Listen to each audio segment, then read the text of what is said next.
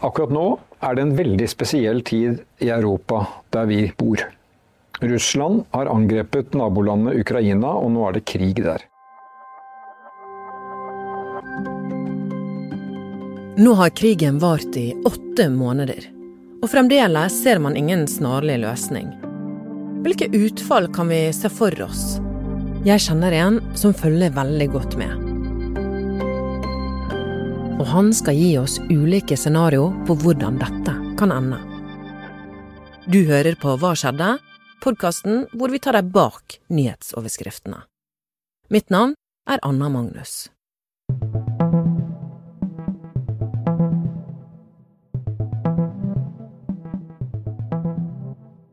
Morten Myksvold, du er kommentator i Bergenstidene. Men det siste halve året har du vært i pappaperm. Men vi som følger deg på Twitter, vi vet at du har likevel brukt mye tid på å grave deg ned i all informasjon om krigen. Hvordan får du det til uten å få helt noia? Jeg har vel aldri sagt at jeg får det til uten å få noia. Eh, det, det, krever på en måte trening og pauser og avstand. Altså det, du må sette opp litt regler for deg sjøl hvis du skal følge denne krigen eh, tett via internett. Eh, det er brutale bilder, brutale beskrivelser, videoer florerer av eh, sivile som har blitt eh, bomba eller torturert. Altså, det er enorme sanseinntrykk eh, hele tida. Jeg måtte blant annet rett og slett slutte å scrolle Ukraina-nyheter sent på kvelden før jeg skulle sove, for å kunne sove. Fordi det, det, er så brutalt, det, det, Russland driver på med i Ukraina. Men det er òg viktig å følge med på, syns jeg. Altså det, denne krigen kommer til å påvirke vår verden, framtida til denne verden her, eh, som vi lever i. Det kommer til å påvirke hverdagen vår i kanskje ti år framover. Hvordan utfallet her blir. Altså Tillater vi at Russland vinner denne krigen, så blir det ikke fred.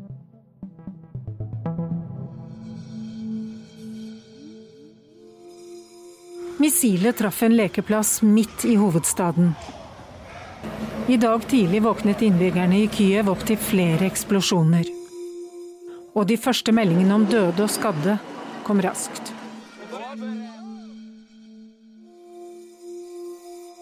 Bare denne måneden så ble en russisk bro sprengt, den lengste i hele Europa.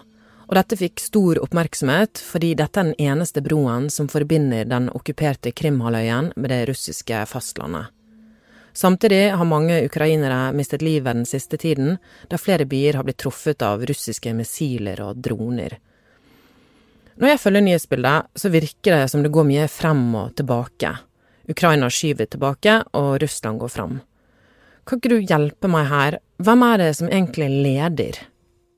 Det er på en måte vanskelig å måle, fordi altså, på den ene sida Ukraina okkuperer null kvadratmeter av russisk internasjonalt anerkjent territorium, mens Russland okkuperer ca. en sjettedel av Ukraina eh, og det som vi anerkjenner som ukrainsk territorium. Krimhalvøya, eh, Sør- og Øst-Ukraina.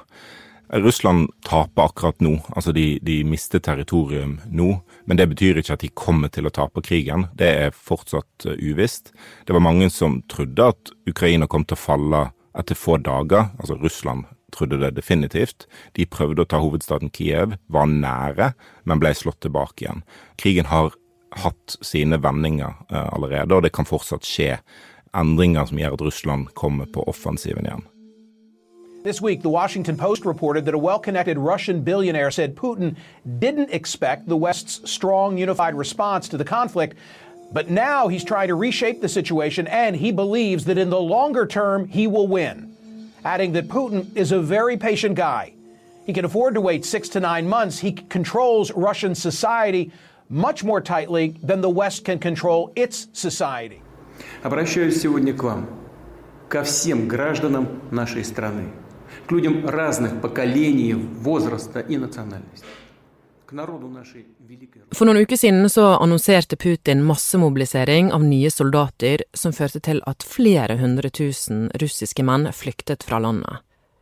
Ser vi noen endringer innad i Russland nå, altså fra krigens start fram til nå?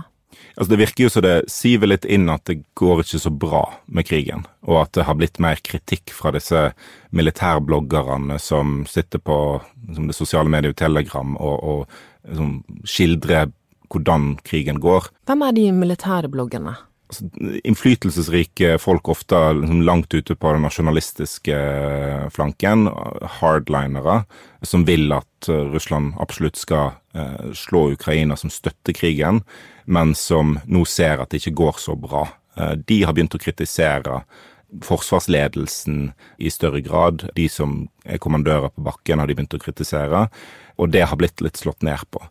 En ser ikke så voldsomt store demonstrasjoner i Russland som følge av massemobiliseringen, men det er nok litt fordi at Russland er et vanskelig land å demonstrere i. Landet har et så massivt sikkerhetsapparat.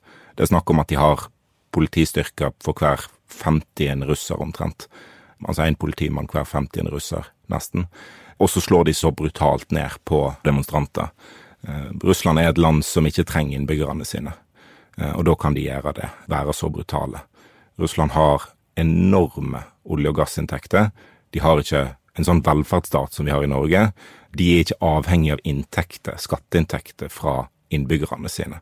Og da, når de er så autoritære som de er, så føler de nok at de kan gjøre hva de vil med innbyggerne sine. Hvis noen hadde bare dyttet Putin ut av vinduet, hadde krigen vært over i morgen da? Det virker jo som om det er en stadig økende dødsårsak i, i Russland, at, at, deler av eliten rundt Putin faller ut vinduet eller dør på andre mystiske omstendigheter. Og det er nok større sjanse for at det skjer med Putin, enn at folket klarer å velte han, fordi sikkerhetsregimet i Russland er så massivt. Så tror jeg nok at Putin er ekstremt paranoid, har et voldsomt sikkerhetsoppbud rundt seg sjøl. Men den enkleste måten i hvert fall avslutta han på, hadde vært om noen ja, hadde dytta han ut av et vindu, eller Men det er ikke gitt at det fører til slutten av krigen. Det vil være andre som tar hans plass. Jeg tror ikke det er sånn at uh, vi skal være så redd for at noen som er verre enn han, overtar makta. Det finnes selvfølgelig uh, mange ultranasjonalister i gangene der, men Vladimir Putin er den personen som har invadert Ukraina, som truer med atomvåpen. Det går knapt an å bli verre enn han. Eh, det er mulig at det blir bedre uten han.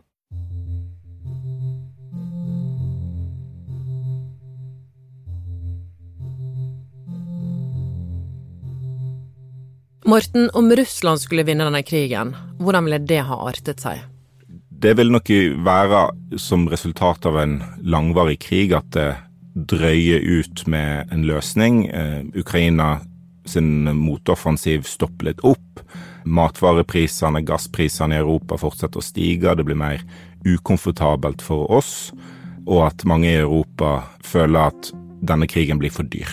Og at eh, det ikke er verdt det å forsvare Ukraina eh, når vi får så store konsekvenser her hjemme. Det er en følelse jeg har vært redd for siden invasjonen i eh, februar, at folk skal gå lei av krigen. For det er Vladimir Putins vei til eh, seier. At vi slutter å gi eh, Ukraina våpen fra Norge eller fra andre europeiske land fordi smerten blant velgere i Europa blir for tung. Og da kommer Russland til å vinne, fordi Ukraina er helt avhengig av den våpenstøtten som USA og Europa har eh, gitt det siste drøye halvåret. Eh, det må bare fortsette. Det er den eneste veien ut av eh, krigen der Russland ikke skal vinne. Så hvis Russland skal tape, da? Hva skjer da? Da må vi fortsette den støtten vi har gitt til Ukraina, ikke erstatte solidaritet med egoisme, og håpe at Ukraina fortsatt klarer å presse Russland ut. Dette er jo et helvete, egentlig. Eh, den kjelleren er jo, et, eh, er jo en svinesti. Så det er jo krigens grusomme fjes. Det er eh, hjerteskjærende, rett og slett. Og én side av denne krigen som treffer da en, en landsby fra en dag til en annen. Store ødeleggelser, helt vilkårlige, ikke militære mål. Eh, og Det som skjer her, er jo eh, rett og slett grusom behandling av, av mennesker. I presidentpalasset ble Norge kalt en ekte venn. President Zelenskyj takker for kraftfull støtte. Ukrainas leder fikk høre at Norge vil gi en milliard euro, over ti milliarder kroner, de neste to åra til Ukrainas kamp og gjenoppbygging. Vladimir Putin dikta opp en begrunnelse for å gå inn i Ukraina. Han kalte regimet der for nazister. Og han kan dikte opp en begrunnelse for å avslutte krigen hvis han vil. Han har et så eh, sterkt grep om makta i, i, Russland, virker det som, at han kan manøvrere seg en vei ut av, av denne krigen. Kan det skje, at Putin nå eh, av en eller annen grunn er lei, og så han, stopper han krigen, og så sier han at 'jeg vant krigen'? Han har jo allerede endra målene for krigen én gang. Altså, han har sagt Eh, han skulle ta hele Ukraina i starten eh, etter invasjonen i februar. Nå fokuserer han på Sør- og Øst-Ukraina, de områdene som han har uh, ulovlig annektert. Så han har allerede forandra Russlands ambisjoner en gang. Han kan selvfølgelig si nå har vi oppnådd det vi ville. Og så må russisk, den russiske befolkningen bare ta imot den beskjeden fra sin diktator. Russia has shamelessly violated the core tenets of the United Nations Charter. Just today, President Putin has made overt nuclear threats against Europe and a reckless disregard for the responsibilities of the non proliferation regime. Putin har jo truet med atomvåpen. Hvis han iverksetter det, hvordan kommer det til å arte seg, og hvem er det som vinner eller taper da? Det viktigste atomvåpen gjør for Vladimir Putin akkurat nå, er trusselen om å bruke dem. Det er det som er den taktiske fordelen med atomvåpen akkurat nå. For hvis vi blir redd for at han skal bruke atomvåpen, og tenker at vi ønsker ikke at denne krigen i Ukraina skal føre til atomvåpen, enten der eller i hele Europa, eller at det skal utvikle seg til tredje verdenskrig eller en atomkrig eller noe sånt. Hvis vi kjøper den trusselen hans, så er atomvåpen effektivt uten å bruke det. Og det er trusselen som har en taktisk fordel. Den taktiske fordelen med å bruke atomvåpen er egentlig ganske liten, fordi reaksjonen fra eh, Nato kommer til å bli så massiv. Så jeg vil mene at bruker Russland atomvåpen, så har de tapt krigen. Men det er langt flere som selvfølgelig kan tape på eh, en sånn situasjon.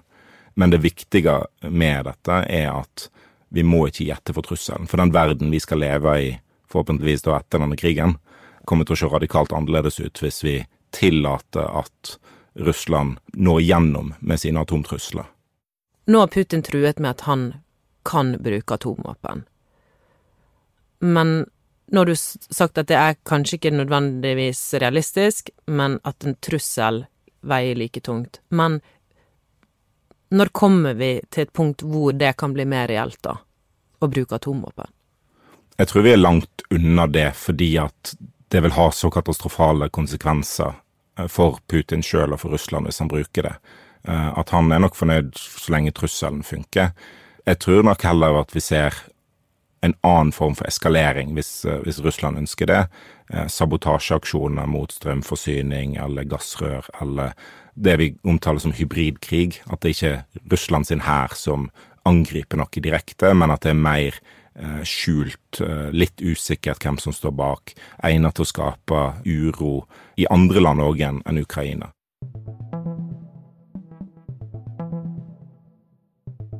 Ok, så ifølge din analyse, Morten, hvilket utfall denne krigen får, handler mye om USA og Europa enten fortsetter å støtte Ukraina, eller om støtten minker.